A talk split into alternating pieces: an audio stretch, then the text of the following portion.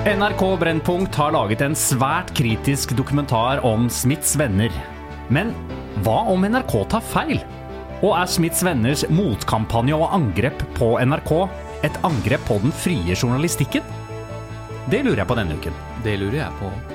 Hvem er du? Svein Tore heter jeg. Ja, da, men da skal vi høre mer fra deg. Ja, fint.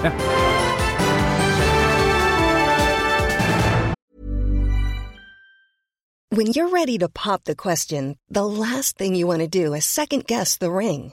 At Bluenile.com, you can design a one of a kind ring with the ease and convenience of shopping online. Choose your diamond and setting. When you find the one, you'll get it delivered right to your door. Go to Bluenile.com and use promo code LISTEN to get $50 off your purchase of $500 or more. That's code LISTEN at Bluenile.com for $50 off your purchase. Bluenile.com code LISTEN. Since 2013, Bombas has donated over 100 million socks, underwear, and t shirts to those facing homelessness.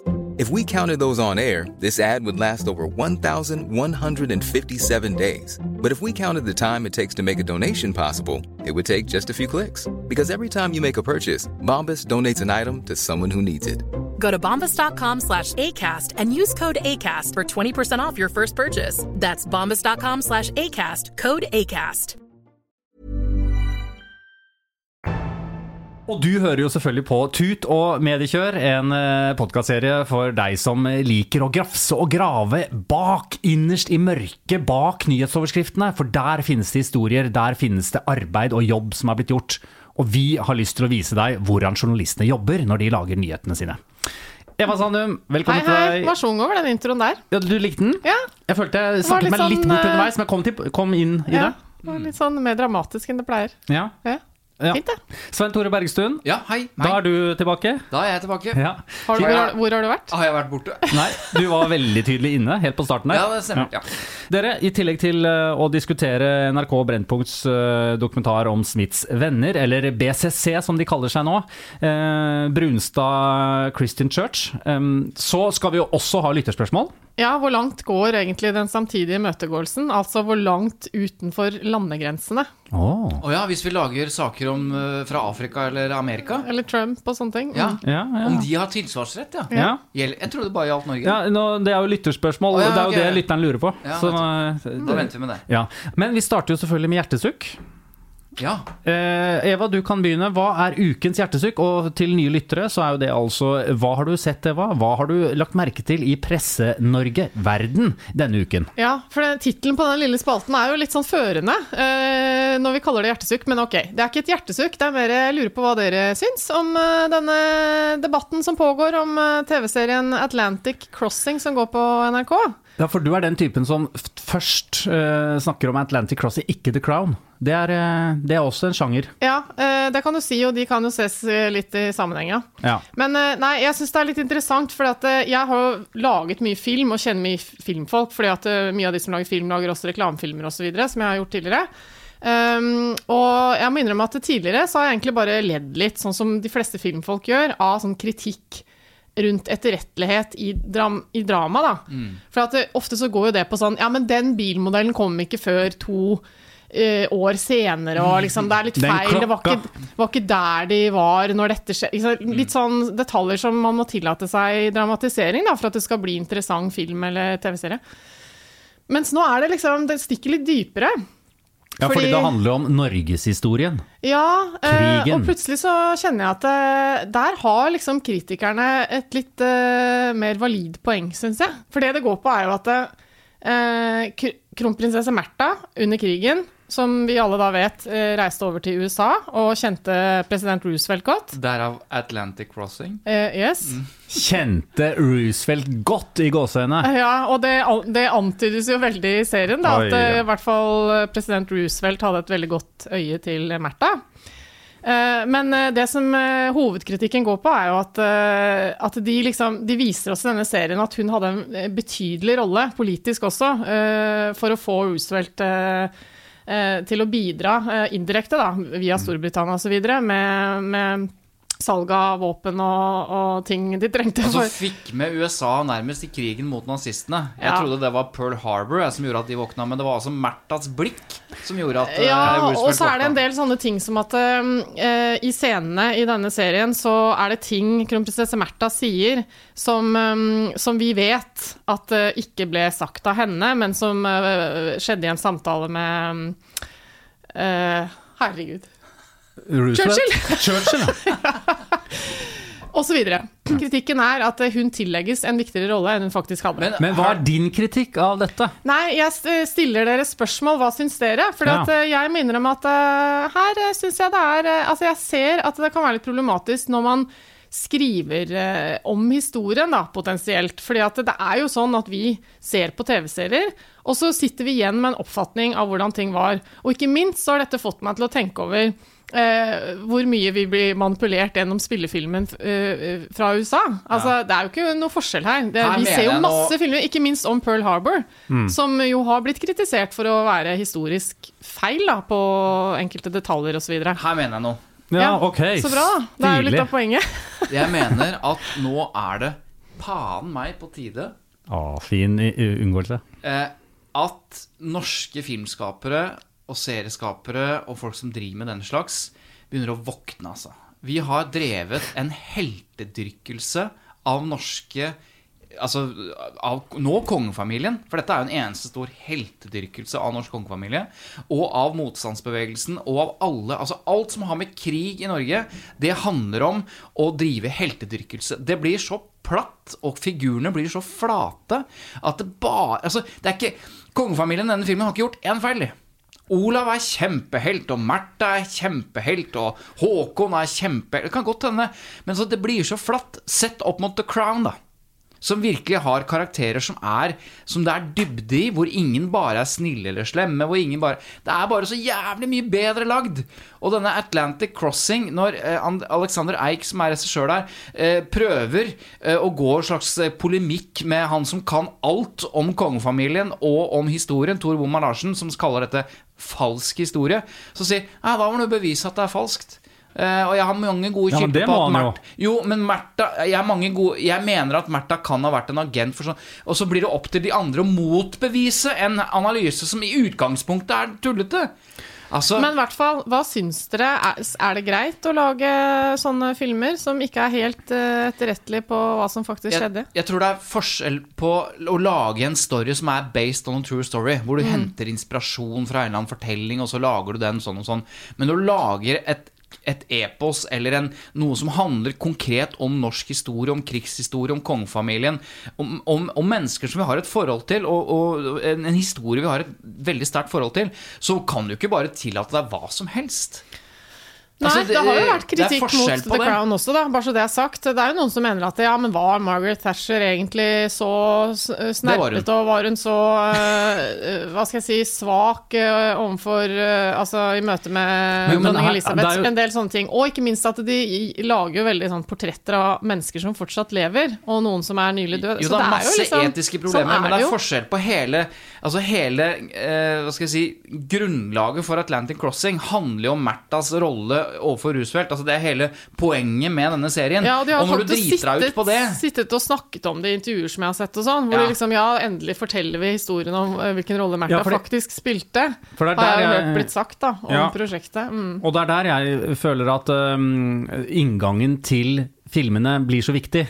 Fordi jeg, hvis jeg sitter og, skal, og tenker at nå skal jeg se hvordan uh, det egentlig, hva som egentlig skjedde under krigen, Ja. så vil jo det være en helt annen uh, innstilling til jeg har, har til den filmen, enn når jeg tenker at nå skal jeg bli underholdt based on a true story-film. Ja, men jeg, jeg tror at den forskjellen er mye mindre enn den er i teorien, da. For jeg, liksom, når det lages en film eller en TV-serie om en sånn hendelse, så vil jo uh, etterlatt inntrykk hos de aller fleste over tid være at det som er i denne serien, det var som det var. Bare tenk barna våre når de skal se denne serien om fem år, ikke sant. Så de vil jo Altså, jeg tror ikke folk er så kritiske. Ja, det er ikke sikkert at det stemte helt at det, det var sånn. Men det er Nei, men burde, burde man være det? Når man ser de? Det er det som er litt interessant. Altså, enten så må det jo ikke være lov, og det fins det jo ikke noe regler mot. Det er jo ytringsfrihet og, og kunstnerisk frihet og sånn, så det er jo ingen som kan hindre dem med dette her. Så det er jo bare Nei, etikk det er og bare den moral. offentlige debatten hvor, folk, hvor Ja. du får motstand. Po- Poenget er at det er forskjell på å ta seg friheter, eh, kunstneriske friheter, for å få ting til å bli, se bedre ut, eller gå opp, eller hva det måtte være. Men når selve fundamentet Selve hovedhistorien og fortellingen baserer seg på en, en, en historisk Ja, det er liksom, Løgn. Det er jo Men så det jo, hovedpremisset for hele serien. så er det jo Da må du da, Ja. Det, Ja. Men jeg, jeg, Bare jeg, klar, jeg klarer jo ikke å helt, helt engasjere meg i uh, Klarer du ikke å engasjere Nei, deg i dette her? Fordi, fordi jeg syns i utgangspunktet når vi snakker om film, vi snakker om uh, dramatiseringer, så er det på en måte vanskelig å ta det for, på noe. Altså det, det er jo fiksjon. Det er jo det er spilt, det er klippet sammen, det er et manus som er skrevet, det er jo masse sitater, det er masse replikker som er skrevet av en manusforfatter. Altså, jo, jo, det, men det, det er- det er umulig å Hvis det hadde stått i en Det utgir seg for for å være historiske begivenheter som er sanne, og da Jo, er det jo, sånn Men det gjør jo Star Wars òg. Det er jo for at dette er sant. Gi Star, gi Nei, Star Wars for det er jo total fiction. Utgir det seg for å være noe som har skjedd? Det var Selvfølgelig. helt, det var helt nytt for meg. Nei, Men, men selvfølgelig, altså, det er jo det Med en gang du går inn i Star Wars, så ser du Ok, nå er vi i den verden. Da Altså, skjer det har skjedd. Det har skjedd. Ja, ok. Ja, ja, ja, men det er jo det samme. Men du, jeg ja, har men det, jeg jeg er helt enig i at Star Wars uh, Har at, skjedd. eh, har skjedd uh, hvis, hvis Atlantic Crossing har skjedd, så kan det godt hende Star Wars Ja, har der skjer det. der skjer det Men Eva, vi snakker mye om presseetikk som skal følges. Er det noe filmetikk? Vet du noe om det? Etikk og moral og folkeskikk er jo ting som finnes generelt der ute. Men det er Ja, ikke noe er eget ikke noe- lovverk for, for dette. Det er jo åndsverksloven og det er norsk lov generelt. Dette om- reguleres av den offentlige debatten. Ja. Det er jo det som skjer når Tor Boman Larsen sier at den filmen der er fake. Altså historisk fake. Ja. Så får han da, da, da hører jo folk det. Og så, å ja, så det, var, det har ikke skjedd, det der. Nei. Men det ja, da jo- ser vi den på en annen måte. Ja, og så kan det hende at eh, flere ser det, eh, og sånn. Så det, alt det der er jo Jo mer debatt, jo bedre kan det være. Men dette er jo ikke noen filmpodkast. Men det er ikke noe, det er ikke noe lovverk som sier at eh, Nei, dette må dere ta av skjermen. Eh, Hvis det var det du lurte på, da. Nei. Ja, Men, det var det jeg lurte eh, på. så det kan jo ikke sensureres, sånn sett. Og da er mitt neste poeng at eh, jeg syns det er litt interessant dette med sensur, som har blitt litt mer oppi bevisstheten vår nå. For det er så mange som har begynt å sensurere. Altså Twitter, for eksempel, sensurerer jo Trump. Eller de skriver i hvert fall NB, NB, NB Advarsel. Dette på dette er ikke sant. mye av det han skriver. Og så bare slo det meg denne uka her, så var hun Kari Jakkesson ute med en sånn uh, livestream-video på Facebook, hvor hun, uh, hvor hun hadde en sånn appell, hun var drittlei av smittevernreglene og mente egentlig at eh, hele viruset var opp, eh, blåst opp, og det var ingen fare. Og, Bra ikke dame, hun? Kari Jakkesson. Uh, og, Ironi. Og det er jo greit nok, det var det ingen som sensurerte. Men så var det en eh, fyr som lagde en eh, sånn slags musikkvideo ut av dette her, sånn som har blitt gjort med Erna Solberg sitt eh, Oops, app, app, app, og, og sånne ting. Hva sa du? Oops, app, app, app. Syng en gang til. Oops, app, app, app. Altså, barna mine har Den, ja. sunget den så mye. Men eh, poenget mitt var Den musikkvideoen hadde jo da eh, Kari Jakkessons eh, påstander som en del av refrenget Ja. og sånn, ikke sant? Og den ble sensurert av YouTube. Fordi at eh, YouTube har jo noen retningslinjer som de har laget seg nå, at eh, man skal eh, ta bort eller prøve å liksom dysse ned eller eventuelt sensurere innlegg som stiller spørsmål til de internasjonale vedtatte reglene i Ja. pandemien. Nå fikk jeg sånn Guff stille spørsmål til Ja, staten. det, det- våger du å stille spørsmål Ja, med smitteverntiltakene? ja, og så blir det og Jeg bare tenker at det, det er litt sånn interessant det der at vi begynner å venne oss til at helt andre folk enn Altså helt andre myndigheter, da, som f.eks. Twitter og YouTube og de kommersielle kreftene som sitter bak, det er de som bestemmer hva som vi skal skjermes for. Ja, og Ja. På, på sett og vis så har vi jo, har vi jo uh, bedt om det. Fordi debatten for uh, en stund siden handlet jo om at det var anarki uh, i sosiale medier. Ikke sant? Mm, ja. At det var mulig å bare Det var fake news på fake news, og det var Russland, og det var hele pakka. Så nå må Zuckerberg og gutta våkne, liksom. Nå, Ja, må, de sette, nå må de ikke liksom Dette kan ikke være anarki, det må være noen regler her. Og så har de respondert på det, sånn som jeg oppfatter det. Og nå Jeg syns jo det for så vidt er greit, sånn isolert sett, at uh, når en amerikansk president uh, farer med nok en løgn, at Twitter bare merker den Dette er disputed. Dette Mm. er ikke liksom helt Det er litt det samme som uh, i Wikipedia. Wikipedia, som er jo litt og var et anarki, eller man kan tenke at anarkiet lever på Wikipedia, fordi der skal det være historiske ting, men hvem som helst kan skrive. Og så står det sånn Denne artikkelen er disputed. Jeg syns jo den veiledningen i og for seg er grei, men jeg er helt enig med deg i den Altså, vi skal være ganske våkne nå eh, når eh, globale, store multinasjonale selskaper og plattformselskaper som, som Twitter og, og, Facebook begynner å bestemme hva som er greit og ikke greit. Og den diskusjonen hadde vi Ja. også med disse, dette bildet av hun Altså dette, dette ikoniske bildet av denne jenta i Vietnam ikke Ja, sant, som løp naken eh, fordi hun hadde fått brent av seg eh, huden på, mm. i napalm under Vietnamkrigen. Det ble sensurert pga. nakenhet. Ready to pop the question? The jewelers at BlueNile.com have got sparkle down to a science with beautiful lab grown diamonds worthy of your most brilliant moments. Their lab grown diamonds are independently graded and guaranteed identical to natural diamonds, and they're ready to ship to your door. Go to BlueNile.com and use promo code LISTEN to get $50 off your purchase of $500 or more. That's code LISTEN at BlueNile.com for $50 off. BlueNile.com code LISTEN. Many of us have those stubborn pounds that seem impossible to lose, no matter how good we eat or how hard we work out. My solution is PlushCare. PlushCare is a leading telehealth provider with doctors who are there for you day and night to partner with you in your weight loss journey. They can prescribe FDA-approved weight loss medications like Wagovi and Zepbound for those who qualify. Plus, they accept most insurance plans. To get started, visit plushcare.com slash weight loss. That's plushcare.com slash weight loss.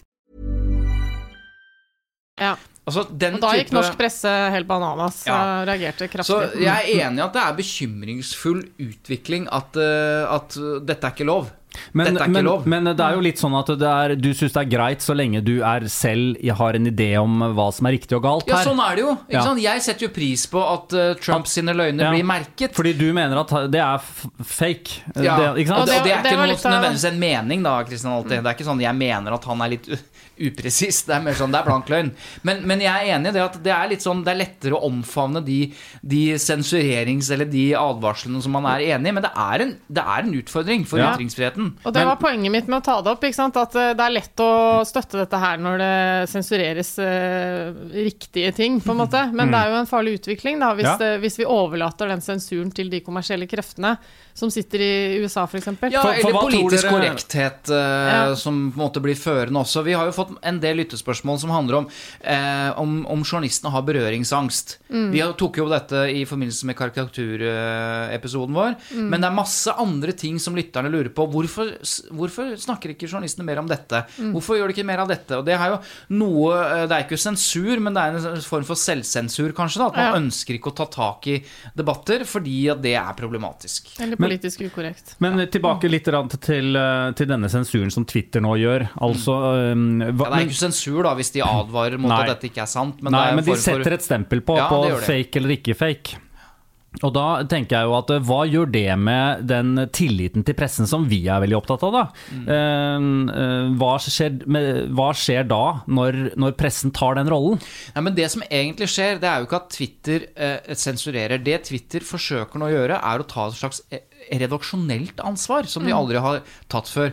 For Og det har, blitt, det har blitt etterspurt at de skal gjøre det i Ja, større grad. Mm. Men husk på at mediene de driver jo den type, kall det sensur, hver eneste dag, hver time. De bestemmer jo de det. dette skal på, dette skal ikke på. Det er Dette er fokussetning, dette er ikke fokussetning. Eh, Denne overskriften skal på, denne skal ikke på. Det er jo ikke sensur. Eller 'dette lesebrevet skal publiseres'. Altså VG får hundrevis av tekster hver eneste dag som folk gjerne vil ha på trykk. Det er jo ikke sånn at eh, når 98% av de ikke kommer på trykk, så er ikke det sensur. Det er bare, det er, Du kan ikke få alt på. Jo, men, jo, men eh, en som aldri får på teksten sin, kan jo kjapt tenke det. Og klarer Absolutt. noen ganger til PFU på det. Ja. Absolutt. Og da får de alltid svar at det er redaktørens avgjørelse hva som skal på trykket i avisa. Ja, Men sensurdebatten eh, blir jo eh, Den tar jo litt av når, når ikke bare mediene, som jo har som oppgave å redigere sine egne medier Å redigere betyr å ta med, ta bort osv. Men når, når det frie Twitter For det er jo Jeg har jo ikke fått en eneste Twitter-melding sensurert eller advart mot. Jeg, jeg føler jo at det er, vi kan si hva vi vil, nærmest. Men når de begynner å ta et slags redaksjonelt ansvar, som jeg opplever at de gjør, og de gjør en vurdering av dette her, det er nytt. Og det, da må vi i hvert fall vite hvem er ansvarlig redaktør for Twitter. da. Ja. Hvem er det, da? Det er der vi er sjefen, da. Ja, ok. Og noen roboter. Dere, jeg har et hjertesukk. Ja. Det handler om overskriftene til Dagbladet. Jeg synes det, Denne uken her syns jeg de har hatt noen helt øh, utrolige overskrifter. Er det sant? Eh, Jeg har et eksempel med til dere her nå. Det er bilde av, um, av eh, Raymond Johansen, byrådsleder. eh, Mhm. I Oslo. I Oslo. Eh, og um, så, så er liksom overskriften 'Her kommer en veldig viktig nyhet'. Med svart. Altså, det er når kongen dør, altså. Det er jo sånn som det ser ut som når kongen dør. Ja, Her kommer en veldig viktig nyhet. Du Det er overskriften. det er overskriften, Ja. med han med munnbind eh, på, på en pressekonferanse. Ja. Ut, det ser ut som han er det. Og så klikket jeg inn på det. Det er at det sannsynligvis ikke er mulighet med julebord i Oslo. Altså, jeg, da- jeg, En veldig jeg, viktig nyhet med hvit skrift og svart bakgrunn. av- jeg følte meg kjempelurt. Altså, jeg ble litt redd, for jeg trodde her kommer en viktig nyhet til alle. Altså, finn frem bombegassmasken. Ja, ja. Det, var det var der jeg var. Men kort kommentar til dette. Altså Det Dagbladet gjør, både i denne her, men, også, men, men i hele sitt oppsett, da, det er at de har, eh, de har overskrifter som man ikke skjønner en dritt av før man trykker på. Ja. Altså de har enten, det, kan være, det kan være ord, altså enkeltord som er overskrift. Og det kan være små, altså, det kan være små ting, da. Eksempel eh, 'Ikke skjedd på 24 år'. Hevder paven li liket dette. Dette var skremmende. Altså Det er bare Ja, og- overskrifter og vi som i seg selv ikke gir at- noen informasjon. Du skal klikke inn på saken, ikke Ja. De vil jo ha interaksjon eh, med, med leserne. Men eh, vi har faktisk fått en annen lytterhenvendelse fra Even som, eh, som påpeker det motsatte i noen tilfeller. Da. Han Riktig. lurer på hvorfor i alle dager hva er det som skjer med at noen av titlene på nettavisen har blitt så ekstremt lange? Det har det er blitt nesten som ingresser. Ja, og det, han sendte et uh, eksempel hvor det står Jeg vet ikke hvilken avis det er fra. Jo, jeg tror det er DN. DN. Eh, Sveriges statsminister følte nok at han hadde en skikkelig god koronanyhet å komme med, men så tok sjefen i folkehelsemyndighetene og også og så prikk, prikk, prikk. Den liker jeg, Og så må du klikke deg videre inn. for da slipper jeg å klikke. Ja. Det er jo genialt. Bortsett fra at det var litt prikk, prikk, prikk her, da, så Men, Men, men, eh, altså uh, men da, jeg syns ikke jeg fikk en helt respons på mitt hjertesukk her. Altså, dere jo, reagerte ikke noe? Jo, jo, Ja, jeg er helt er enig, men jeg har, jeg har blitt apatisk i forhold til det. Altså, Jeg var veldig irritert, og så har jeg bare Ok, Dagbladet holder på sånn, Ja. eh, og noen andre holder på sånn, at de lager mystiske overskrifter for at vi skal trykke, og i 98% av tilfellene så blir vi skuffa. Og så er det så mange av dem som har sånn breaking news, breaking news akkurat nå, akkurat nå, som virrer over og sånn. Så for mitt vedkommende så er følgende følgen av det at eh, jeg bare velger noen andre nettaviser, for jeg orker ikke å forholde meg til de der De eneste overskriftene jeg liker på Dagbladet, det er det som er content marketing, annonseinnhold. For der står det et fint bilde av Ingunn, og så står det 'Ingunn vant luksusbil' fra Norsk Tipping. Veldig Ja, enkelt. Da vet du det. Da, det Da vet enkelt. jeg det. Ja. Men du klikker ikke på det? Nei, jeg gjør faktisk ikke det. Altså. Nei, Nei. Ok. Ok. Den var veldig fin også, Svein Tore. Vi har hatt noen av de, eh, men da betyr det at vi skal videre. Det betyr at vi skal videre. Når vi sier ting på likt, så skal vi videre. Ha, eh, du eh, hadde ikke noe hjertesukk i dag, du? Jo da. Jo, har du? Altså, jeg har et, et lite positivt hjertesukk. Altså, jeg er jo titt og ofte innom det som heter VG retter. Og det er jo uh, VGs egen rettelogg. Og det vi Mm, den elsker jo du. Ja, jeg elsker den. Uh, jeg setter pris på åpenheten, og jeg setter pris på rettelsene, og det er så fint. For eksempel VG meldte mandag morgen at det var 37 nye smittetilfeller i Lyngdal etter spørsmål om hvor mange nye det var siden gårsdagens 11 tilfeller. Det er feil. Det riktige er at det ikke var noen nye tilfeller siden i går. det, er, det er etterrettelig, da. og for Lyngdals befolkning, Ja. som får høre at det er 37 nye Ja, smittetilfeller, er sjokk. og så er sannheten eh, Nei, det er 37 til sammen i løpet av Vi disse får håpe det er noen i Lyngdal som faktisk fant veien inn til den retteloggen, da. Og så var det en sak om fotball, så sto det at landslagsspillerne måtte skrive under på en avtale om at de ville overholde karantenen frem til klokken 13 søndag. Det stemmer ikke. Så det har de retta opp. Ja. Men eh, det er Hvor er det den rettingen? Hva er det? Hvor må, finner bare, du det? du må bare søke på VG retter. Det er ikke så lett å finne på forsiden. Da må Nei. du gå inn via undermenyer osv. Ja, har, holder alle Nei, det er det medier de ikke det? gjør. Det er er bare Svein Tore Bergstuen, egentlig hele Norge, som eh, Jeg leser mener at alle bør gjøre dette. Og så kommer jeg fram til en, en annen morsom en. Det er den siste jeg skal ta. Eh, overskriften handlet om, eller det handlet om ungdomsklubber som rammes av koronaregler. Og der sto det I første versjon av denne artikkelen sto det at byråd Rina Mariann Hansen hører til partiet Sosialistisk Venstreparti. Det riktige er at hun hører til Arbeiderpartiet. Det ble rettet 17.11. klokken 01.23. Oi, da. Og så lurer jeg på, Rettet betyr at hun gikk over til SV? da? At hun, at hun rettet opp i det? Dette er, er det din humor, Svein Tore? Ja, det var er forsøk det. på min humor. Ja, men det er jo ikke Det var forsøk. Det, var, det er Men din eh, humor. det som er morsomt også, er jo at de har, det er noen som sitter klokka 01.23 og retter Ja, hos Og retter Det er partitilhørigheten til, eh, til byråden, det Men Betyr det da at eh, da har de fått inn en klage fra henne, sannsynligvis? No, Noen ganger så får de inn reaksjoner på at dette er feil, og så går de inn og så retter det. Andre ganger så oppdager de det selv, at de har gjort feil. Eh, Men det viktigste er at de ikke bare at de retter, men at de faktisk viser når det ble retta, hva som ble rettet, og eventuelt også hvorfor. da. Det er noen ganger de har begrunnelse. Og hvorfor er det så viktig? Jo, fordi det handler jo om det grunnen til at vi sitter her og snakker om tilliten til redaktørstyrte medier. Og det å, for det øker, Jeg mener at det øker tilliten å vise åpenhet om når du gjør feil, og hva du gjør feil. Det gjør at vi kan eh, i større grad, mener jeg, stole på mediene. Det er lettere å stole på medier som er åpne om sine feil, enn de som ikke er det. Og også litt det at eh, man ofte sier at pressen er historiens kladdebok, er det ikke det man sier? Ja, og det viser At, jo eh, den Er ikke det, høres ikke det litt bedre ut? Kladdens Historiebok? historiebok. Kladde, kladderlefsa borti hjørnet. I hvert fall at uh, Man kan jo gå tilbake ikke sant, og se gjennom uh, de historiske arkivene hva som er publisert. og Da er det viktig at uh, det kommer frem da, når ting har vært feil, og når det har vært endret osv. Og her er et viktig poeng. Altså, da TV 2 eh, sin politiske reporter, eller reporter, og programleder Linn Wiik skrev en denne uka mye omtalt sånn kommentar om at vi lever i et diktatur. Vi trenger ikke å snakke om om det var et bullseye-treff eh, på sarkasmeskalaen, men, men poenget var at eh, den fikk masse kritikk. Så ble den endret. Flere ganger. Og så ble ikke endringene synlige, og da eh, gikk Twittorama bananas. fordi sånn, Vi må jo vite hva som er endret, for, og vi må se den opprinnelige versjonen, sånn at alle vet hva vi ble forbanna på. Og det er et viktig poeng at hvis det oppstår en diskusjon om hva journalister har gjort, og hvis de bare tar vekk originalen eh, fordi det, det bør man jo på en måte tenke at eh, liksom, vi tar vekk ting det som er feil. lenge over, Men du må vise originalen, så du viser dette var det vi skrev, derfor ble det kritikk. Dette er det vi nå har. Ja. Det er viktig å ikke ta vekk historien. Så Det er også grunnen til at eh, når en uh, sak blir felt i Pressens faglige utvalg, så kommer det informasjon om det i saken. ikke sant? Og så er det ikke alltid at de endrer artikkelen, men de skriver en tydelig rettelse på toppen eh, av hva som har vært feil, og hva de har blitt felt for. Men det må understreke at faktafeil og sånn, det rettes jo ofte opp i den opprinnelige artikkelen, hvis det er god grunn til det. da. Og så står det bare at artikkelen har vært endret. Ja. Ja, men da, ja, sånn, ja. Mm. Så retting Ja. er viktig. Retting høres viktig ut. Det er viktig. Uh, dere, vi må uh, løpe videre til uh, den hovedsaken vår i dag. nemlig NRK Brennpunkts dokumentar om BCC. Smiths venner. Eller da kjent som Smiths venner.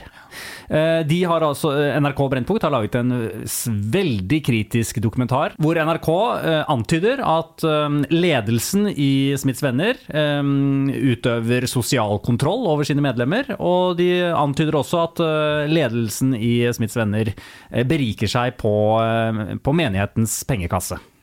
Ja, og dette er en veldig komplisert sak, så vi har ikke tenkt å gå inn i alle beskyldninger og alle håper å si, videreverdigheter. videverdigheter, eh, for det kom jo enormt mange beskyldninger i begge retninger. Ja, det gjorde det. Det ligger jo en eh, Den ligger jo på NRK TV, så man kan jo se den for å liksom gå inn i alle detaljer. Og så har jo vel også Medie24 skrevet en lang artikkel hvor det går litt gjennom begge sider av saken. Så det går an å lese begge de. Og det, og det jeg bare lurer på her nå, er jo selvfølgelig det at Fordi jeg leser jo veldig mange som har, eh, har kommentert saken eh, som er eh, fra Smiths venner, og, mm, og som sier at det er umulig for oss å stå, komme frem med vår sannhet når vi jobber mot en så tungt eh, tung eh, Altså så tung journalistisk eh, hus, for å si det sånn, som NRK Brennpunkt. Og hva om nå NRK har feil? Hvordan, eh, hvordan skal da BCC klare seg mot et stort mediehus? Er det en skjevhet her i forhold til hvordan, hvor, hvem som har mest makt for å få frem sannheten? Altså, Denne saken har jo mange lag. La oss ta det første. Det som du snakker om nå. Eh, Det vil jo veldig mange oppleve som blir utsatt for kritisk journalistikk, og spesielt dokumentarprogrammer som er ganske liksom, massive. Man har jobbet i lang tid, og man kom med en del påstander og, og dokumentasjon osv. Hvis du føler at det, eller ikke bare føler, men hvis du mener at det er feil, eh, så, så tror jeg alle som har blitt utsatt for det, enten det er Brennpunkt eller andre, føler seg maktesløse. Ja. Og det er fordi det er journalistene og redaktørene som sitter på makta, altså til å fortelle en historie. De kringkaster den eh, på en måte som du aldri kan eh, liksom imøtekomme, da. Nei. Og så er det spesielt med Smiths venner, fordi at de har jo en medieavdeling og et apparat. De har jo TV-kanal, TV-sendinger osv. Så, videre. så de er jo de er jo faktisk utstyrt på en helt annen måte enn de aller fleste andre til å lage såkalte motsvar og komme med liksom, sine greier. Da. Det har Eh, men, det er også klart, men, men det er klart, det er jo en liten kanal i forhold til NRK. eh, Men, men det er jo men, men de aller fleste som blir utsatt for dette, eh, føler seg nok totalt hjelpeløs. Og hva Men gjør det? eh, Christian, til spørsmålet ditt. Ja. Eh, man kan også snu litt på det og si at i det tilfellet her så kan jo skjevheten være andre veien. Fordi at eh, NRK som et redaktørstyrt medium forholder seg jo til noen etablerte regler. Så når de eh, tror og føler seg sikre på noe og sånn som ikke de kan bevise, så er det jo regler for hva de faktisk kan viderebringe og publisere og sånn. Så de forholder seg jo til et regelverk, mens motsvaret fra BCC i dette tilfellet forholder seg jo ikke til noen regler, så de, de kan jo på en måte eh, friere manipulere. Ja, Regler, er- te, eh, te, te, eh, du tenker da på Vær varsom-plakaten? varsom-plakaten, ja. Ja, Mens, så NRK må forholde seg etisk og, uh, til, denne, til dette her, selv om uh, BCC mener at de ikke har gjort det. da, Så, så må de jo det. og Hvis de ikke gjør det, så, så, så går det jo galt. ikke sant? Mm. Mens, mens BCC kan jo bare uh, levere det som heter partsinnlegg eller propaganda eller hva det måtte være. Men det som er verdt å nevne i denne saken, her, er at påstandene fra Smiths venner, det er jo at NRK Det er flere påstander, men at NRK og alle andre journalister i Norge det, Dagens Næringsliv har skrevet mange artikler om dette. TV 2 har lagd kritiske ting eh, om Smiths venner. Alle styres av en eller annen form for eh, en helt konkret eh, kampanje. Eh, altså en påvirkningskampanje internasjonalt stort, med utgangspunkt i israelske, israelske folk. Eh, og det er liksom De lar seg påvirke av dette. At, eh, og det er den ene påstanden. Og den andre påstanden handler om at, at, at man på en måte nærmest bare er ute etter Smiths venner. Ja. At man er ute etter å ta dem. eh, og generelt sett bare er tvers igjennom uredelig. Da. At de har agendaer på en eller annen måte, eller blir styrt. Det er påstandene. BCC sier jo nå at ja, men vi sitter på sannheten. Hvordan kan vi vite hva som er sannheten når, når, når det er en sånn situasjon? Det, Er- Der kom sannhetssvarene! Hvem skal hoppe uti, plumpe uti vær så bekken? god. Det er jo det her som er så utrolig interessant, syns jeg. Fordi eh, nå er det snakk om eh, en, eh, et kirkesamfunn som eh, man kan si at eh, samfunnet generelt er ganske kritiske til. Da, fordi man kaller det sekter og sånn, så alle sånne religiøse samfunn er man kanskje litt sånn skeptiske til. Men eh, hvis, man tenker, hvis man løfter dette opp fra Smiths venner og BCC og bare tenker at eh, NRK kritiserer noen, og så eh, svarer de som har blitt kritisert med fake news, da, eller med et motsvar som ikke liksom, holder seg til regler og, og etablerte normer. Og så På den andre siden så eh, ser vi jo at eh, det kan gå ganske gærent hvis et helt samfunn eh, blir kritiske til om man faktisk kan stole på mediene. Det har vi jo sett i USA. Presidenten i Amerika har jo lært opp eh, nærmest halve befolkningen til å 70 millioner. ja, til å tenke at eh, nei, du kan ikke stole på nyhetene. Det er fake news.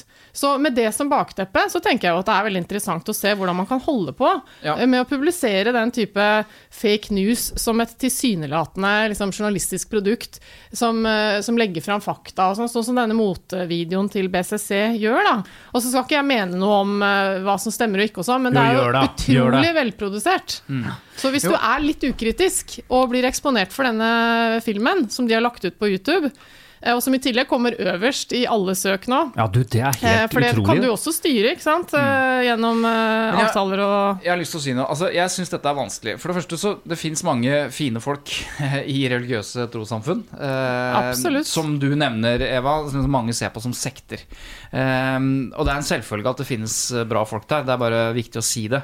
Og så kan man få inntrykk av eh, liksom gjennom disse dokumentarene at de er kua og jernvaska og ute av stand til å tenke selv.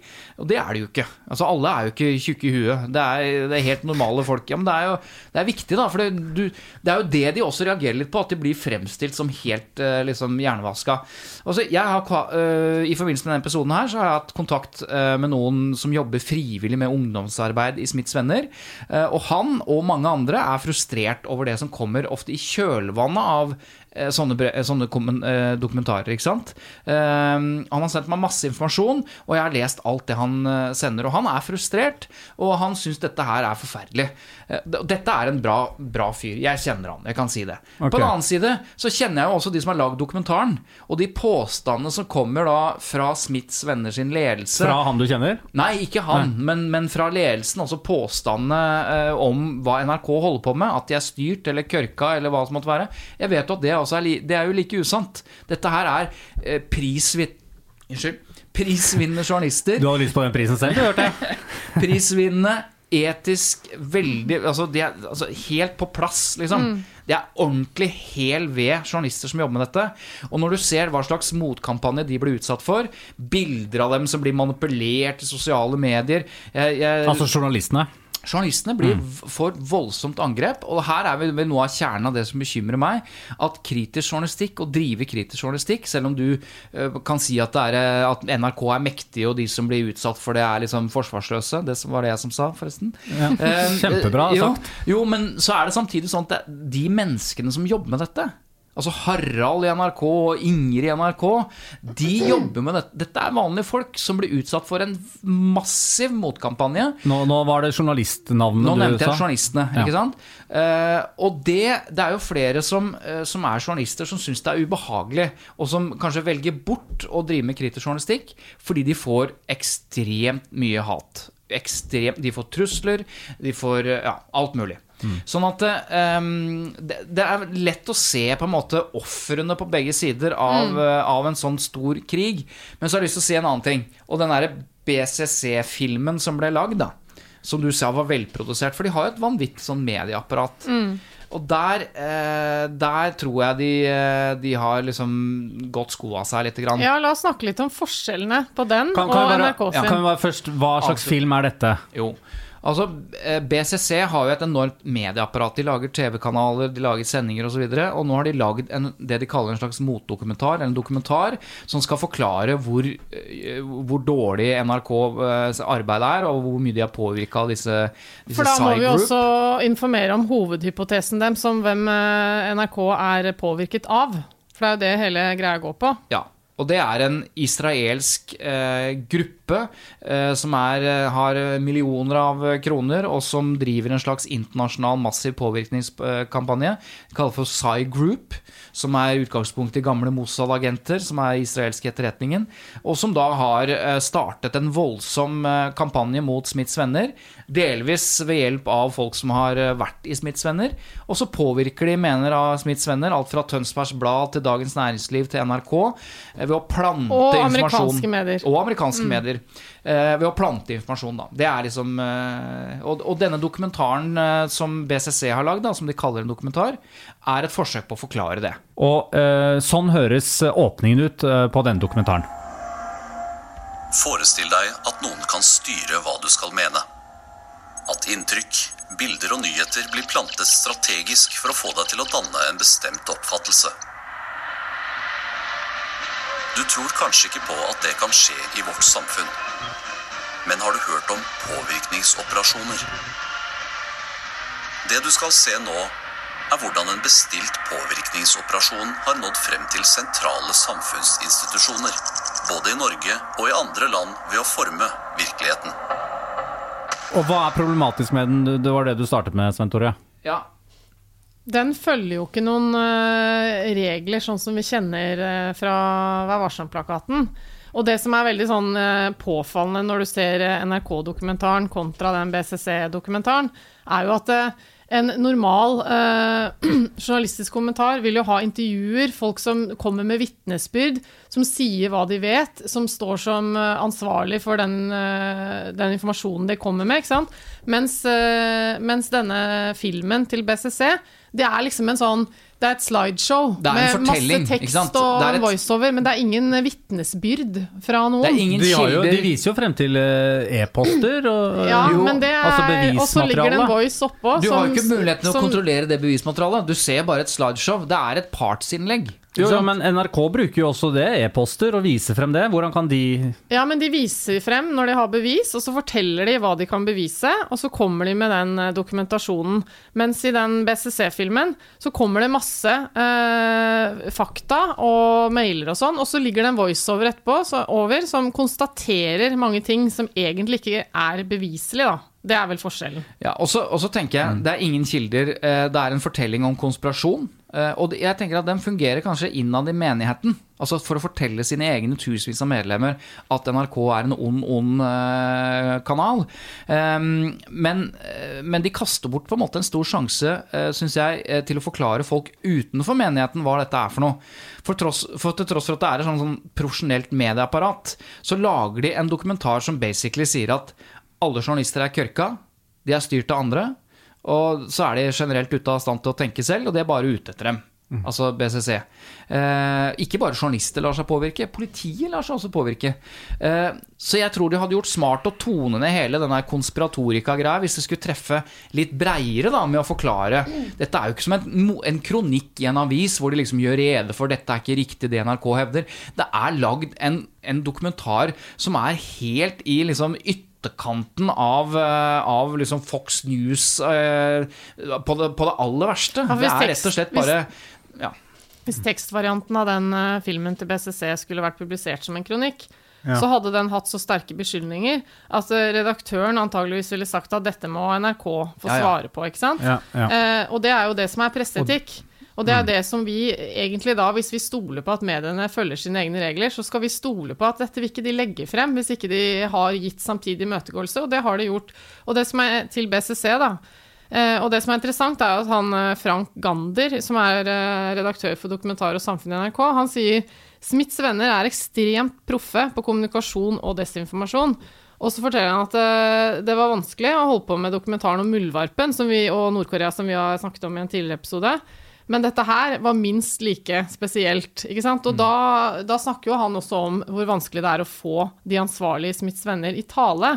For at eh, de kan jo legge frem beskyldninger, og så må de gi eh, de ansvarlige hos BCC eh, muligheten til å ta til motmæle. Men så vil de ofte ikke svare, ikke sant? og så kommer de heller med sånn motsvar i egne kanaler og sånn. Men vi må bare høre litt fra den der slutten av den dokumentar, såkalte dokumentaren. For, det, for jeg Altså, alt dette pratet om at BCC er så proffe, og at de er så gode på, på motekampanjer osv. Men, det, et, men det, det faller litt, mener jeg, på sin egen urimelighet. For ja, de har masse penger som de kan bruke på, på TV-innslag og, og greier. Men det er ikke proft, fordi det er konspiratoriske påstander. Og da mener jeg at da, da jeg hadde veldig lyst til å følge opp Smiths venners påstander mot NRK. For det er bra folk som kommer med den informasjonen. Men når jeg ser den fortellingen som avsluttes på den måten her Når slike operasjoner kan sette dagsorden i samfunnet og hos norsk politi og presse, så blir de som skulle være demokratiets voktere, i virkeligheten minoritetens overgripere. Altså, bare hør på den derre sant? Politi og presse blir minoritetens overgripere. Altså, det er så eh, Ja. Takket være dyktige journalister i The New Yorker ble påvirkningsoperasjonen mot BCC avslørt og gjort kjent. Men hos Norges statsfinansierte kanal er det tilsynelatende ingen skrupler. Og da er tilbake igjen til det. Når noen påstår at det sitter journalister i NRK uten skrupler, som lar seg påvirke, og som på en måte ikke skyr noe middel for å liksom ta Smiths venner, så er det for meg det, altså, det det blir for dumt. Ja. Det er rett og slett bare for dumt, for det der sitter ikke folk i NRK uten skrupler som er ute etter å ta noen, liksom. Sånn at eh, Ja. Men i hvert fall, det hadde jo vært bedre her hvis de hadde fulgt Vær varselplakaten også. Hvis, NRK kunne ha kommet med motsvar her. Hvis det er sånn at BCC har bevis og dokumentasjon på at sånn og sånn er tilfellet På at så eh, NRK er skruppel, skruppel, at de er skruppelløse og alt mulig. Så hadde de stått seg på å informere om dette på en saklig og god måte, og vist dokumentasjonen, og hatt en redelig liksom, tone. Fordi at det, dette her blir jo bare Altså For meg, som har lyst til å forstå, og lyst til eh, å ta NRK, hvis NRK har gjort noe feil, så blir det liksom Ja. Ja. Det blir bare rør. Men det er nok som du antyda, at hovedmålgruppa for filmen deres er eh, interne Det tror jeg. Ja.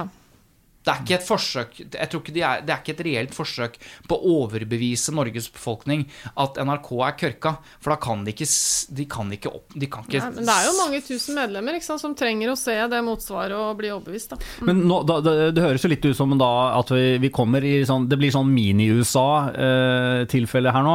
Altså at de som er innafor i Smiths-venner, de vil jo bli enda forsterket, enda mer forsterket i sin tro på Ja. eh, sannhet, hva som er sannhet, og Ja. at media der ute ikke har sannheten. Såkalte ekkokammer. Mm. Ja, og mens vi andre, eller jeg som også stoler veldig på NRK, eh, jeg tror jo tydeligere etter å ha sett den dokumentaren som BCC har, at, at NRK på en måte har alt på sitt rene. Ja, jeg alt tror på det rene. Det er én ting vi ikke har nevnt, som, er, som jeg mener er en utfordring for NRK, og kanskje grunnen til at vi har havnet her.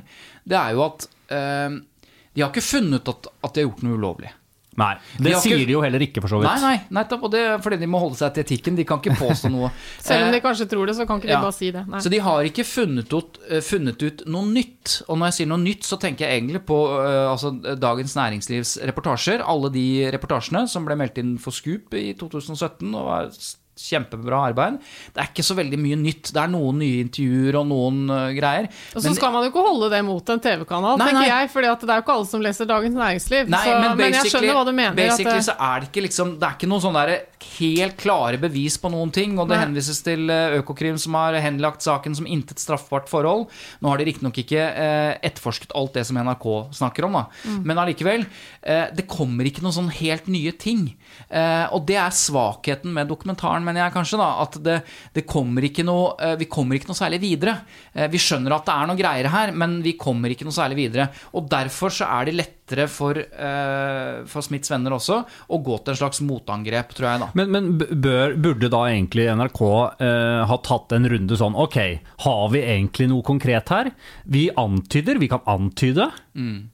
Kan vi da, Er det en god nok grunn til å lage denne dokumentaren? Ja, altså jeg mener at Antydning? jeg mener, ja, det er ikke bare det, for det, det er jo kilder her som forteller helt tydelige ting Ja, ja, ja. om hvordan det er å være eh, Absolutt. medlem og sosial kontroll osv. Og, så videre. og den Jehovas vitner-videoen som eh, Nei, dokumentaren som jo eh, også har kommet, som er en del av den samme på en måte serien. eh, jeg blir så forbanna når jeg ser den at jeg holder på å sprekke. Så det er klart at sette søkelyset på denne type menigheter, Det både er når det en av gjelder penger og pressens sosial oppgaver. kontroll, ja, det er en av de viktigste oppgavene. Så det er helt greit å lage en sånn dokumentar, men de må jo også tåle å høre at eh, det kom ikke så veldig mye nytt Nei. fram i Nei, den og, og jeg tenker at det er i et sånt journalistperspektiv som du har, men eh, det er jo helt greit, etter min mening, eh, å fortelle en historie i filmformat. Som eh, store deler av den er fortalt i, i andre sammenhenger før, men kanskje overfor en helt annen målgruppe. Da. Bare sånn det er nevnt. Ikke sant? At det, er jo ikke, det er ikke helt ubetydelig at NRK gjør denne jobben i en dokumentarformat, Nei. selv om den er skrevet om i avisa før. Medie24, som dekker journalistikk og medier i Norge, de har skrevet en lang sak om denne krigen mellom Smiths venner og NRK. Og de har varslet at det kommer øh, Ja, nå er jeg spent, for det, det skal visst komme noen flere saker, kanskje noen avsløringer, om øh, denne saken, denne føljetongen, denne ordkrigen mellom trossamfunnet og NRK. Du, Kan jeg si noe da som jeg alltid har drømt om å si?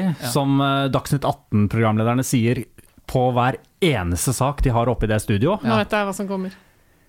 Så siste ord er, vel, er visst ikke sagt i denne saken. Altså, Eller dere får ta debatten ute på gangen. Og da kan jeg legge til at nå er jo ikke motparten her til å forsvare seg. Hvilken motpart tenker du på da? Nei, både den ene og den andre. nå er jo ikke mot Alle er jo ikke Ingen er jo her. er så- parter her Som dere tatt. kanskje legger merke til, så har vi ikke intervjuet de eh, partene denne gangen. Nei, og det det er er rett og slett fordi eh, vi vet at det tar mye tid å få tak i den parten ene vi ikke, drikker rett og slett. Nei, det var sånn vi, hadde, vi orket ikke å ta det der, for det er jo en kjemperunde man må sette i gang. Ja, det er altså et mas. Men dere, vi har jo ikke tid til å surre, surre her. Vi skal jo. Ta se revyen sammen med Svein som Svein Tore setter opp på Chat Noir. Da er det lytterspørsmål. Trun, trun, trun. Pling. Oh ja, du har lyst på en jingle, egentlig, men Ja, du har ikke hatt tid til å lage den. Nei, jeg har ikke tid. Det har vært veldig mye denne uken. Hans Petter har sendt inn eh, spørsmål. Eva, det har du. Han spør hvor langt rent geografisk strekker retten om samtidig imøtegåelse og rett til tilsvar seg? Hvis jeg f.eks. kritiserer noen i et radioprogram, kanskje en politiker, så vil reporteren eller programlederen ofte si at vedkommende ikke er til stede og har ikke anledning til å forsvare seg etc., etc., slik man har diskutert flere ganger også, dere. Men hva med alle som kritiserer Donald Trump eller uh, Kim Jong-un eller uh, Det står Kim K, så jeg tror han tenker på Kim Kardashian. Å ja. Men uh, samme det, det kunne være Kim Jong. Same, same. Kim. Strekker dette seg til hva som er realistisk med tanke på samtidig imøtegåelse, eller er det liksom rent geografisk eh, for stor avstand? Gøy. Gøy. Det lurer jeg veldig på selv. Så jeg er spent på hva Eva, har du, har du et svar på det? Ja, hva tror dere? Ja, altså um, Nei, la meg Svein bare- Tore hadde svar på det. Nei, jeg har ikke svar på det. Jeg skal, jeg bare- jeg skal tenke og si noe, kanskje drite meg ut, da, så Eva kan komme med svaret. Som vanlig? Ok. Ok, men eh, hvis uh, du kommer med noen påstander uh, av faktisk art, da, for å ta samtidig imøtegåelse først, at f.eks. Donald Trump har, eh, skriver jeg da, eh, som journalist, eh, har underslått penger, f.eks. Mm. Så er jo det Hadde det ikke vært Donald Trump, eh, så hadde det jo åpenbart vært sånn at man måtte ha en samtidig imøtegåelse fra vedkommende. Så da så tenker jeg ja, i prinsippet så er det altså Presseetikken har jo ikke noen nasjonale grenser. Ikke? Det, så det betyr jo at eh, Men hvordan i all verden skal jeg få tilsvar fra presidenten? Ja. Skal jeg bare da sende av gårde, sånn som Christian gjorde når han spurte oss? Jeg sendte en mail og fikk ikke noe svar. Holder det, liksom? Ja, det, det, det var jo til, da, når, jeg, når jeg var og sendte til Fifa. Ja, ikke sant? For, for jeg, sku- jeg kritiserte Qatar-VM. Ja, riktig. men der eh, kunne du du gått lenger, konkluderte vi med der, da. Ja, men for da det- er det jo For du sånn sendte bare til sånn post at fifa.no. Men hva skal du si, da? Post at whitehouse.gov? Eh, nei, Ja, men, men ikke sant, vi må huske på at um, For det første så er det jo annerledes for politikere og løpende debatt. Ikke sant? Debatter som pågår om offentlige personer og høytstående liksom, maktpersoner, der kan man jo gå lenger. Eh, generelt. Men, eh, men det aller viktigste er jo at det, um, som regel når det kommer til eh, informasjon om, eh, om kjendiser og eh, høytstående politikere i utlandet og sånn, så er, refereres det jo til kilder som har uh, tatt den jobben ja, allerede. det kom, du suger ikke ting fra eget bryst, på en måte? Så som regel så er jo dette noe som kommer fra AP eller, eh, eller NTB eller andre amerikanske medier som da uh, siteres, ikke sant? Men, eh, men dersom det kommer eh, eh, påstander av faktisk art som egentlig krever samtidig møtegåelse, så har alle rett på det. og, og et eksempel på det, da? Nei, altså at du kan jo klage hvis du er president Trump og mener at en eller annen norsk avis har skrevet noe som er en beskyldning som ikke stemmer, så kan Men da må jo, da må jo noen klage. Og, og Ja, da må den klagen det, ha samtykke fra den som er berørt part. Så da må det f.eks. være den amerikanske ambassaden da, som klager på vegne av president eh, Trump. Ja, for Mm. bare la oss ta det. Altså, hvis, du skal, hvis noe skal bli felt for eh, brudd på presseetikken Mm. i Norge, så må noen klage. Og denne noen er jo da den som eh, på en måte er utsatt for den påståtte pre presseetiske overtrampet. Eller noen som gjør det på vegne av den med samtykke. Eller noen som gjør det på vegne Ja. av det. er det Altså no i Kim Kardashian eller da en, en i Norge, Norge ja, og som da kan i prinsippet den amerikanske ambassaden i Norge klage på vegne av Trump Mm. Ja. til Pressen faglig utvalg. Og det gjøres med jevne mellomrom, ikke på vegne av Trump, det? men det er ambassader som klager eh, på vegne av La meg tippe. Oh, ja. eh, Midtøsten-konflikten. Ja, den Ja, har hatt en del klager. Så da klager den israelske ambassaden. på, på helt konkrete sånn 'dette sto i VG', Ja, Det er feil. Altså, så vidt jeg kan huske, altså, Israels ambassader har klaget eh, noen ganger. Eh, og den tyrkiske ambassaden husker jeg klagde i 2017 på en sånn artikkel på aldrimer.no. Men som, klager de eh, på vegne av landet sitt, eller helt konkret presidenten, eller Ja, Det kommer litt an på hva saken Ja, ja, er, da. Men dette var, eh, en av sakene var jo om en sånn karikatur eh, som eh, brukte referanser til andre verdenskrig, som de mente var ufint, osv. Mm. Altså, jeg har en rekke eksempler her, men det tror jeg kanskje det blir litt langt å gå gjennom hver. hadde vært fint å fått ett konkret eksempel. Mm, en italiensk lege, eksempel, klagde i 2017 eh, på en svenskprodusert dokumentar da, som var i tre deler, men ble vist på NRK. Og den handla om en eh, kirurg som gjorde masse ting som han ble anklaget for i denne dokumentaren. Og mye av det skjedde på Karolinska instituttet i Stockholm og et universitet i Russland. Og han klageren mente at dokumentaren inneholdt feil og var villedende, og satte han i et dårlig lys. eh, Men klagde han på selv, fakta. eller var det ambassade som klagde på vegne av han? Nei, så vidt jeg husker, så var dette han selv. Ja. Oi. Og Det er eh, ja. Det er jo helt utrolig, altså, fordi da, det, det er jo ikke engang en, en dokumentar som er blitt laget i Norge. Nei, nei, men når NRK publiserer, så er det de som står ansvarlig for Så for da klagde han til PFU i Norge? Ja, Yes. Og hvor Og det var en komplisert sak, altså, som eh, vi brukte mye tid på, husker jeg. Men det endte med at NRK ikke hadde brutt god presseskikk. Men det, blir for, det er mye detaljer som er grunner til det, da. Ja. Okay. Men den ble ordentlig behandlet, den. Men du, kan vi, kan vi gjøre følgende tankeeksperiment? Ja, Hvis vi hører noe nå eh, påstander eller, eller eh, ja, eh, kritikk av noen internasjonale, eh, kanskje kjente, eller bare noen vi tenker det er så langt unna, så det bør vi kommer unna med det, tenker kanskje mediene. Og så skal vi, tut og mediekjør, så ringer vi da, eller prøver å ta kontakt og spør eh, Du, jeg lurer på om vi skal klage Vi har et eksperiment her. Kanskje vi skal klage til Pressens faglige utvalg? Kan vi få lov til å klage på vegne av deg til PFU og Ja. se om den kommer fram? Er, kunne kunne vi gjort det? Ja. I prinsippet. Med å samtykke. Mm. Ja, For da kan vi bare få et samtykke fra en manager til eh, en eller annen stjerne. Ja. ja det er greit, dere kan klage på vegne av oss til PFU. Det har vært eh, ganske artig. Husker du det var en som skrev til meg for sikkert 20 år siden nå, da, eh, som ville klage på mine vegne på et bilde på forsiden av en avis hvor det var en fotomontasje. Som han syntes at det var eh, sånn urettferdig, for at eh, det var satt sammen et bilde av meg som gikk i sånn hverdagslig dongeriklær, ved siden av et bilde av Filippe som gikk i sånn formell Altså eh, militæruniform. Ja. Eh, og det syntes han var liksom litt ufint, at det ble, det ble satt sammen et bilde som ga inntrykk av at jeg ikke hadde noe Ordentlige liksom- klær Ja. til anledningen. Og så vil Ja, han klage på dine vegne. Ja. Han gjorde ikke det, altså. Nei. Men uh, Ja, for da ga det ikke var du første gang jeg ble gjort, gjort oppmerksom på at det fantes et PFU, tror jeg. Ja. Ja. Nei, så det, men det er, det er fullt mulig. Men noen må klage, da. Ja, og det skjer ikke så ofte fordi nettopp av den grunn. At eh, det er litt omstendelig, rett og slett. Og, det, og for det første så må du jo høre om det. Og så er det vel litt sånn kanskje at eh, Donald Trump eh, han, Det er vel ikke sånn at han eh, håper å få, eh, å få liksom, eh, felt eh, Norsk eh, Dagbladet i PFU. Du, det er ikke skal du en ikke stor se, eh, Nei, det det skal du ikke, ikke se bort ifra. Fordi at Hvis han kan få uh, såkalte bevis, da Han trenger jo vanligvis ikke det, men hvis han, skal, hvis han får et slags bevis uh, som, sier Se der! Der er Norske Dagbladet felt. Hadde ikke vært så Eh, nei, dumt jeg tror jeg det jaggu han hadde syntes hadde vært eh, tipp topp. for det er- det det er ikke noe Press. Complaints Commission på samme måte i Hva er det- USA. Hva er det på Nei, det er det engelske navnet for PFU, da. Eller, Ja. Press Complaint Commission. Mm. Det er et engelsk navn, men det finnes ikke der. Det fins jo Det, det I er jo engelsktalende land, ja. I Storbritannia har det jo eksistert. Ja, men ikke i USA. Nei, de har ikke en sånn ordning. Ok, dere. Vi eh, avslutter her. Eh, Svein Tore Bergestuen, Eva Sandum. eh, Ja, fint, da. Ja, Var det flere? Leita etter flere i rommet? Holder Ja, ikke med oss? Nei, det holder jo, for jeg er også her. Christian ja, Lyder Mørslander. Jeg bare lette litt etter meg selv. Eh, Produksjoner har laget denne serien, selvfølgelig. Fritt ord, takk. Og så er vi tilbake igjen neste lørdag. Lik og del og anbefale Ja. oss til dine venner. Hvis du får ett nytt menneske til å høre på Tut og Mediekjør, så er det jo veldig hyggelig. Får vi flere lyttere. Da har vi jo, da har vi jo 10 flere lyttere. Nei, Ja. så ille er det jo ikke, da. Nei, vi, nei jeg syns vi har kommet oss veldig oppover. Ja, så du som hører på, du er ikke lenger uh, alene. Eh, du, vi er blitt en gjeng. Så det er jo veldig koselig å tenke på. Ja, det er Tut og Mediekjør-gjengen. Ja. Tut, tut. Ok. Da ses vi. Ha det. Eh, Her høres, da.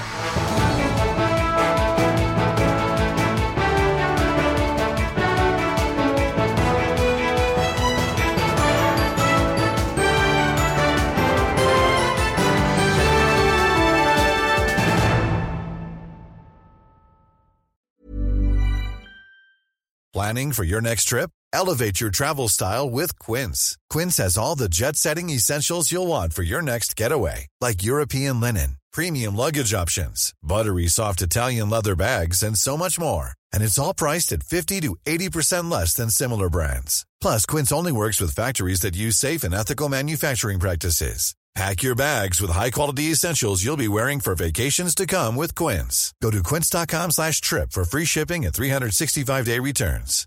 When you make decisions for your company, you look for the no-brainers. And if you have a lot of mailing to do, Stamps.com is the ultimate no-brainer. It streamlines your processes to make your business more efficient, which makes you less busy.